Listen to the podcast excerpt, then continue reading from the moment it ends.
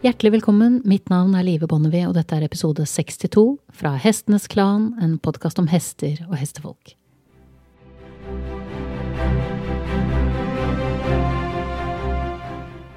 Den olympiske ed er et løfte og en ridelighetserklæring som avlegges av en idrettsutøver fra arrangørlandet ved åpningen av OL.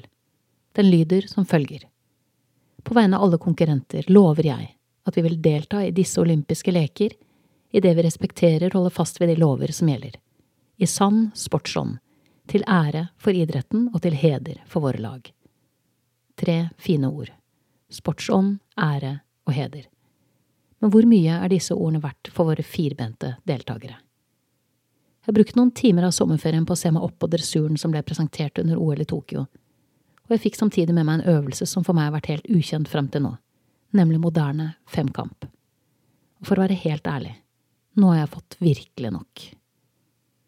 La meg ta den moderne femkampen først, og starte med å si litt om bakgrunnen for øvelsen, siden den i motsetning til dressuren er lite omtalt i Norge.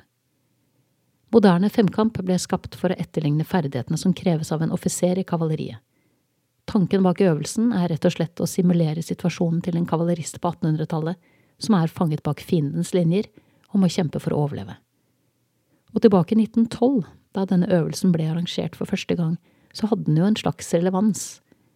Hesten var på den tiden fortsatt en viktig del av krigsmaskineriet, og bare et par år etter at applausen hadde stilnet i vertsbyen Stockholm, brøt første verdenskrig ut og åtte millioner hester, muldyr og esler døde i felten.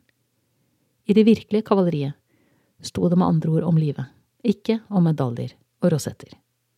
Moderne femkamp anno 2021 fremstår for meg som en ganske obskur øvelse. Den arrangeres over to dager, og utøverne konkurrerer i fekting, svømming, sprangridning, skyting og løping. Og sprangridningen fungerer på følgende måte. Utøveren får tildelt en tilfeldig valgt test av vertsnasjonen. Dette gjøres fordi det anses som et poeng for øvelsen at testen skal være ukjent, siden man prøver å simulere den nevnte offiseren i krigen. Det er verdt å merke seg at alle hestene til utland brukes minst to ganger, noen ganger flere. Det er også verdt å merke seg at utøverne kun får 20 minutter til å varme opp og bli kjent med hesten før det braker løs, med tolv hindre som skal forseres i løpet av 80 sekunder. Rir man saktere, vanker det tidsfeil. Legg til at de fleste som konkurrerer i moderne femkamp, ikke primært er ryttere, så gir det seg selv at det du får servert i TV-ruten, tidvis kan være en ganske stygg anakronisme som ikke har tålt tidens tann særlig godt. Første ekvipasje setter tonen for øvelsen ved å falle ikke bare én, men to ganger. Og det er ikke den eneste gangen det skjer i den klassen jeg ser på. Her ris hestene ofte inn i hinderet fremfor over det, og det rives og refuseres over en lav sko. Og det er smertelig langt mellom ekvipasjene der rytterne faktisk har et snev av teknikk på plass. Det blir mye filming av hindre og blomsterkasser og pynt, for å si det sånn, uten at det egentlig retter opp inntrykket noe særlig. Det er i underkant av 40 ekvipasjer som stiller til start, men jeg tenkte jeg skulle ta for meg én av hestene. En hest som havnet i sentrum for publikums oppmerksomhet etter at bilder fra øvelsen gikk verden rundt og fikk det til å koke på sosiale medier. Jeg har lyst til å si noen ord om hesten Saintboy. Som alle andre hester i denne øvelsen måtte Saintboy stille til start to ganger og akkurat som at man med rette kan snakke om at rytterne kan ha flaks og uflaks med hvilke hester de trekker, går det sannelig den andre veien også, og Saintboy hadde uflaks. Jeg var ikke til stede da oppvarmingen med første rytter fant sted, men jeg tillater meg å tolke hestens kroppsspråk i et forsøk på å si litt om hvordan denne store dagen, og ikke minst opptakten til denne store dagen, kan ha forløpt for Saintboy. Å ha en hest som lånes ut for å konkurrere i OL, er nok egnet til å gi de fleste eiere av hesten nerver så Saintboy har nok blitt forberedt, som det så pent heter. Og hvis jeg skal basere analysen på det jeg ser av ham, så har han ikke hatt mye ferie de siste ukene før OL. Japan er ikke noen stor sprangnasjon, så å oppdrive 20 spranghester som er rutinerte nok til å klare seg feilfritt på en bane som dette, med to ryttere som i beste fall ikke kan brukes til noen ting, og i verste fall gjør feil etter feil uten å ane hva de driver med, er ingen enkel oppgave. Min gjett er at Saintboy har fått kjørt seg litt mer enn han har hatt godt av i ukene før OL og det er nærliggende å anta at mens jeg sitter i godstolen og ser sendingen fra start, så har Saintboy et noe ublidt møte med sin første rytter på oppvarmingsbanen i kulissene. Og når han blir ridd inn på banen 20 minutter senere og fatter galopp, så er det lett å se at han er synlig utilpass. Han er spent i nakken. Munnen er delvis åpen, tunga er synlig, og det er ingen kontakt, jeg gjentar ingen kontakt, mellom hesten og rytteren som om et øyeblikk skal forsere tolv hindre sammen på banen, på under 80 sekunder. Så får de klarsignal og rir mot første hinder. Der får Saintboy bekreftet noe han trolig allerede har fått kjenne på under oppvarmingen, og det er at denne rytteren ikke er til å stole på. Han får motstridende signaler, og ingen hjelp til å bedømme avstand så han får tatt sats i riktig øyeblikk. Han er også i ferd med å kjenne på hvordan det er å ha en rytter på ryggen som vil mye, men ikke er godt nok forberedt. Saintboy river første hinder, og rytteren hans er så godt som ute av salen første galoppsteg etter at høven hans treffer bakken. TV-produsenten har åpenbart blitt grundig brifet på forhånd, og er ganske rask til å bytte bilde og heller filme det rosa hinderet, som er hinder nummer to, mens vi venter på at ekvipasjen vår skal bli synlig i bildet igjen. Men før de rekker å bytte kameravinkel, kan jeg fortelle at Saintboy kjente rytterens ridestøvler dunke borti et område av kroppen hans som han neppe var forberedt på. Området bak salen, øverst i det følsomme, myke feltet mellom bakparten og ribbeina, der de fleste hester har en lang verv. På dette tidspunktet er rytteren så godt som ute av salen, men bruker tøylene for å gjenvinne balansen. Saintboy får derfor et temmelig solid rykk i den allerede følsomme og ømme munnen, noe som neppe kan ha vært et godt innsalg for å yte sitt beste på neste hinder, men det gjør han faktisk. Han hopper feilfritt over hinder nummer to, det rosa hinderet. Men som kommentatoren påpeker, fremstår ikke dette som et smidig partnerskap. Ekvipasjen rir nå en bue mot hinder nummer tre, og da gjør rytteren noe som hun sikkert har sett andre gjøre eller blitt fortalt at man gjør. Hun hever hendene og tvinger hodet til Saintboy opp, og holder ham stramt. Litt for stramt. Det er med andre ord begrenset hva han faktisk får sett av hinderet som han vet ligger foran dem. Det er to hestelengder igjen til han skal hoppe, men han vet allerede at han ikke får noe hjelp av vesenet han har på ryggen, og han er altfor forstyrret av rytterens uryddige signaler til å kunne hoppe selv, så han har i realiteten ikke noe valg. Han bråstopper og får sin første refusering. Hvis man fortsatt tenker at straff i en slik situasjon har noe for seg, så kan jeg informere om at piskeslaget han får mot halsen, kommer ganske kontant, men like fullt et drøyt sekund for sent til å gi noen som helst form for mening, og nå drar det seg til for Saintboy. For i motsetning til tobente atleter i andre øvelser som kan melde pass eller bryte på bakgrunn av psykiske eller fysiske utfordringer, så må Saintboy stå i dette. Eller rettere sagt, han må hoppe i det. For ham handler det nå om å overleve. Etter refuseringen så henger rytteren litt i tøylen, som for å understreke for Saintboy at han har gjort en feil for en stund siden. Så fattes det galopp og gjøres et nytt forsøk. Rytteren forstyrrer ham litt mindre denne gangen, og Saintboy hopper feilfritt over. For han kan jo hoppe. De neste tre hindrene hoppes også feilfritt, inkludert i dem en krevende blå og hvit kombinasjon men det er fortsatt null kontakt mellom Saintboy og rytteren. Det er ingen flyt, ingen rytme, ingen klar plan. Så kommer ekvipasjen til hinder nummer syv. Et ganske spesielt hinder, med prangende dekorasjoner på sidene og svarte og brune bommer. Det oppstår et lite øyeblikk der Saintboy virkelig trenger å føle at han er ivaretatt, men det er null støtte å hente fra rytteren, så han refuserer igjen. To hestelengder fra hinderet denne gangen. Svaret fra rytteren er tre solide nøkk i bittet, men Saintboy slipper pisken denne gangen, for han holder galoppen forbi hinderet og blir med på runden han må ta tilbake, hvor han kan styres mot hinder nummer syv igjen. Og selv om signalene Saintboy får på dette tidspunktet er uklare, hopper han feilfritt over hinder nummer syv og hinder nummer åtte. Men nå er tiden bokstavelig talt i ferd med å renne ut, og de tar en ganske skarp sving for å spare tid. En sving som krever at ekvipasjen er i balanse, men rytteren holder for hardt i tøylene, og Saintboy har åpenbart issues med munnen. Han prøver å signalisere, signalisere klart og tydelig at han har vondt, men hendene i den andre enden av tøylene har mer enn nok med sitt og svarer ikke med følsomhet. Tvert imot. De kommer derfor altfor skjevt inn mot hinder nummer ni.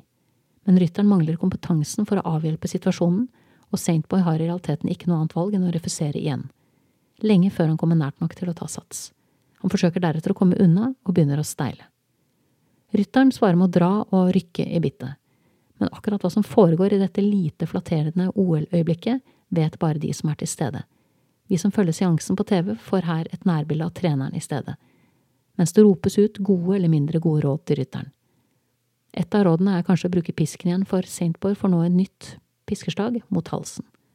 Men han svarer ikke med å gå fremover. Han rygger. Flere steg. Det vanker nå flere skjenkelslag, og rytteren bruker sporene ganske stygt. Så stygt at bildeprodusenten bytter kamera igjen og gir oss et nytt nærbilde av treneren, som roper flere råd på sitt morsmål.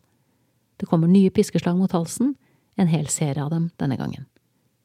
Ekvipasjen har nå 80 feilpoeng, og tidsgrensen for klassen ble plassert for 33 sekunder siden. men Saintboy tvinges likevel til å fatte galopp på nytt, og han byr på et motvillig steg eller to i retning hinderet før han stopper som følge av motstridende signaler fra rytter og steiler nok en gang. Det vi nå blir vitne til, er en regelrett kamp mellom hest, rytter og trener, der Saintboy rygger, mens rytteren vekselvis drar i bittet, smeller skjenkelen hardt i siden hans og bruker pisken flittig. Samtidig ropes og kjeftes det høylytt mellom rytter og trener, og jeg antar temaet er hvordan i helvete man skal få denne dritthesten over de siste hindrene. Men Saintboy hopper ikke flere hinder. Han steiler og rygger og rygger og rygger, en lengde som tilsvarer en kortside, kanskje til og med en langside. Slik holder de på i nesten et minutt. Ekvipasjen har nå 98 feilpoeng. Den pinen vi er vitne til, som selvfølgelig primært rammer hesten, men sekundært rammer rytteren og alle som ser på, får fortsette i 30 sekunder til. 30 sekunder med steiling, sparking, slag og rygging. Så blåses det omsider i fløyta, og diskvalifikasjonen er et faktum. Og da går Saintboy omsider fram igjen. Save the by the bell, som de sier på engelsk. Men hvor var bjella da Saintboy virkelig trengte den? Da hestesporten trengte den? For selv om mange med rette vil innvende at dette ikke har noe med hestesport å gjøre, så kommer vi faktisk ikke unna at dette er et sportsarrangement der man er avhengig av hest for å delta. Hvordan kunne denne uakseptable mishandlingen få finne sted under et OL uten at noen ropte stopp? Når det omsider settes strek for ekvipasje nummer 18, har Saintboy blitt røkket i munnen som straff mer enn ti ganger i tillegg til de helt vilkårlige nøkkene han har fått i munnen under selve hoppingen som følge av at rytteren var ute av balanse eller feilberegnet totalt. I den grad vi kan snakke om feilberegning, for skal du kunne beregne feil, så forutsettes det faktisk også at du er i stand til å beregne riktig. I tillegg til å ha blitt nøkket hardt i munnen som straff, har Saintboy fått minst 15 harde skjenkelslag, og han har blitt tildelt hele ti slag med pisken, hvorav fire slag ble gitt i en tett serie. Men det er ennå ikke over, for Saintboy skal snart bli kjent med enda en rytter og de to skal også få sine 20 minutter til å finne tonen før hun skal ut og hoppe den samme banen en gang til. En time og 50 minutter senere er Saintboy tilbake, denne gangen med startnummer 38 og en rytter med gode medaljesjanser. Han har fått omtrent 1 time og 30 minutter til å kjenne på den mentale og fysiske belastningen vi må anta følger den brutale runden han har hatt, med slag, nøkk og spark. Deretter har han fått 20 minutter med oppvarming for å bli kjent med rytter nummer to. Hvordan denne oppvarmingen gikk, vet bare de som var der, men jeg tillater meg å gjette at den ikke gikk særlig bra. For det som nå utspiller seg på banen, skal bli TV-bilder som går verden rundt og får nettet til å koke. Det første TV-bildet vi ser av St. Boy sammen med start nummer 38, viser en gråtende rytter og en hest som har det hvite i øyet godt synlig. Og første bruk vi ser av det vi normalt kaller hjelpere, er rytterens tildeling av seks beinharde skjenkelslag i siden på St. Boy, som svarer med å slå med halen og steile. Jeg forstår dem begge både rytteren som gråter og hesten som steiler. Det er klart det må oppleves nådeløst, hardt og brutalt for en utøver på to bein å satse hardt for å delta i noe så allsidig og krevende som femkamp, for deretter ved en ren tilfeldighet å få tildelt en hest som tilsynelatende ikke virker. Men det får bli opp til andre å snakke rytterens sak. Målet med denne podkasten er å gi hesten en stemme, og den stemmen trengs. For det som møter Saintboy ute på banen allerede før han har rukket å hoppe første hinder, er nye slag og spark men han nekter å gå frem. Han fortsetter der han slapp sist, han rygger. Det var tross alt ryggingen som fikk ham ut av banen i forrige runde. Men rytteren viser ham etter hvert hvem som bestemmer, som det heter, og etter en ganske grotesk runde med ti piskeslag, hvorav fem i en tett serie og 21 harde skjenkelslag, med og uten sporer, pluss et knyttneveslag fra treneren som blander seg fra utsiden av gjerdet, så settes omsider en motvillig Saintboy i bevegelse. Ekvipasjen galopperer mot første hinder, men er preget av en kamp som føres i hestens munn. Saintboy kjemper mot bittet, rytteren kjemper tilbake med tøylene, men Saintboy går likevel feilfritt over. Så galopperer de videre mot hinder nummer to. Saintboy nøler, men går feilfritt over det rosa hinderet, til tross for at han lander med forbeina parallelt og er helt ute av balanse. Han hopper også feilfritt over hinder nummer tre, der han refuserte sist, men det er ikke noen god flyt å spore denne gangen heller. For selv om rytteren med start nummer 38 rir teknisk bedre enn de fleste andre i denne klassen, minner kommunikasjonen mellom hest og rytter mest om den man får på mobiltelefonen i et område med veldig dårlig dekning. Det er slitsomt, og man hører bare deler av det som blir sagt. Men ekvipasjen er like fullt feilfri når Saintboy kommer galopperende mot hinder nummer fire. Her er det lett å se at han nøler med å hoppe, men et kjapt og presist drapp med pisken, gitt på det mange vil kalle rett tidspunkt, overbeviser Saintboy om at hinderet er det minste av to onder. Han kommer feilfritt over, men kameravinkelen gjør det litt krevende å se hvorfor han nølte med å hoppe. Til gjengjeld er det liten tvil om hvor skoen trykker når ekvipasjen nærmer seg hinder nummer fem. Der er kameravinkelen bedre, og det er lett å se at rytteren ikke beregner avstand godt nok, og at signalene som gis er så uklare at testen i praksis er overlatt til seg selv. Saintboy har her i realiteten tre muligheter. Han kan hoppe for tidlig, refusere eller hoppe for sent, og komme altfor tett inn på hinderet. Han ender med det siste, fordi han i det lengste prøver å tolke rytterens motstridende signaler. Han hopper, gjør et ærlig forsøk, men er for nær til å komme feilfritt over og braser gjennom de to øverste bommene. Ekvipasjen galopperer deretter videre mot hinder nummer seks, den blå og hvite kombinasjonen. Men nå er Saintboy i overlevelsesmodus. Han refuserer, og det blir en ny runde med gjensidig fortvilelse, rygging, harde skjenkelslag, overdreven sporbruk og slag med pisken. Men Saintboy ender likevel med å rygge forbi hele kombinasjonen, mens rytteren gråter fortvilet. Så får rytteren Saintboy i gang igjen, men når han styres mot første hinder i kombinasjonen for andre gang, ender det i ny bråstopp. Det ropes over arenaen nå. Trolig er det treneren. Det skal ris, de skal videre. Kombinasjonen er tapt, og ekvipasjen galopperer mot hinder nummer syv. Hinderet der Saintboy refuserte med sin første rytter. Hinderet med de prangende dekorasjonene og de brune og svarte bommene. Vi får ikke se detaljene, for kameraet ligger på hinderet og venter forgjeves. For Saintboy hopper aldri hinder nummer syv. Alle som ser på, vet at håpet for utøveren er ute med en score som nå teller 60 feilpoeng. Det vet formodentlig utøverne også, for hun hulker så høyt at det bærer over hele arenaen. Men Saintboy holdes likevel i bevegelse, og i denne fullstendig ustabile sinnstilstanden styrer rytteren Saintboy mot hinder nummer syv for andre gang. Han refuserer naturligvis igjen. En refusering som forsegler diskvalifikasjonen, og scoren viser 85 feilpoeng når bjella omsider kimer og rytteren forlater banen mens hun fortsatt hulker åpenlyst. Det er et sørgelig og uverdig syn. Men det som er mer sørgelig og uverdig, er at innsatsen Saintboy la ned denne dagen, ble belønnet med minst ti tilfeller av straffende nøkking i bittet, mer enn 28 piskeslag og 30 harespark med eller uten sporer, i tillegg til ett slag med knyttneve fra treneren på utsiden av gjerdet. For dette slaget ble treneren tildelt det svarte kortet og dermed utestengt for resten av OL. Fordi dette slaget ble ansett som et brudd på konkurransereglementet til Det internasjonale forbundet for moderne femkamp. Forbundet har også annonsert at endringer i ridedelen av femkampen vil bli diskutert på kongressen deres i november, men ærlig talt, dette trenger vi ikke tid til å diskutere. Ridedelen i moderne femkamp må avvikles i sin nåværende form, og det som skjedde må få etterspill. Og finnes det ikke reglement for å stoppe åpenlys vold som dette mot et levende dyr som deltar i OL, så må reglene skrives om.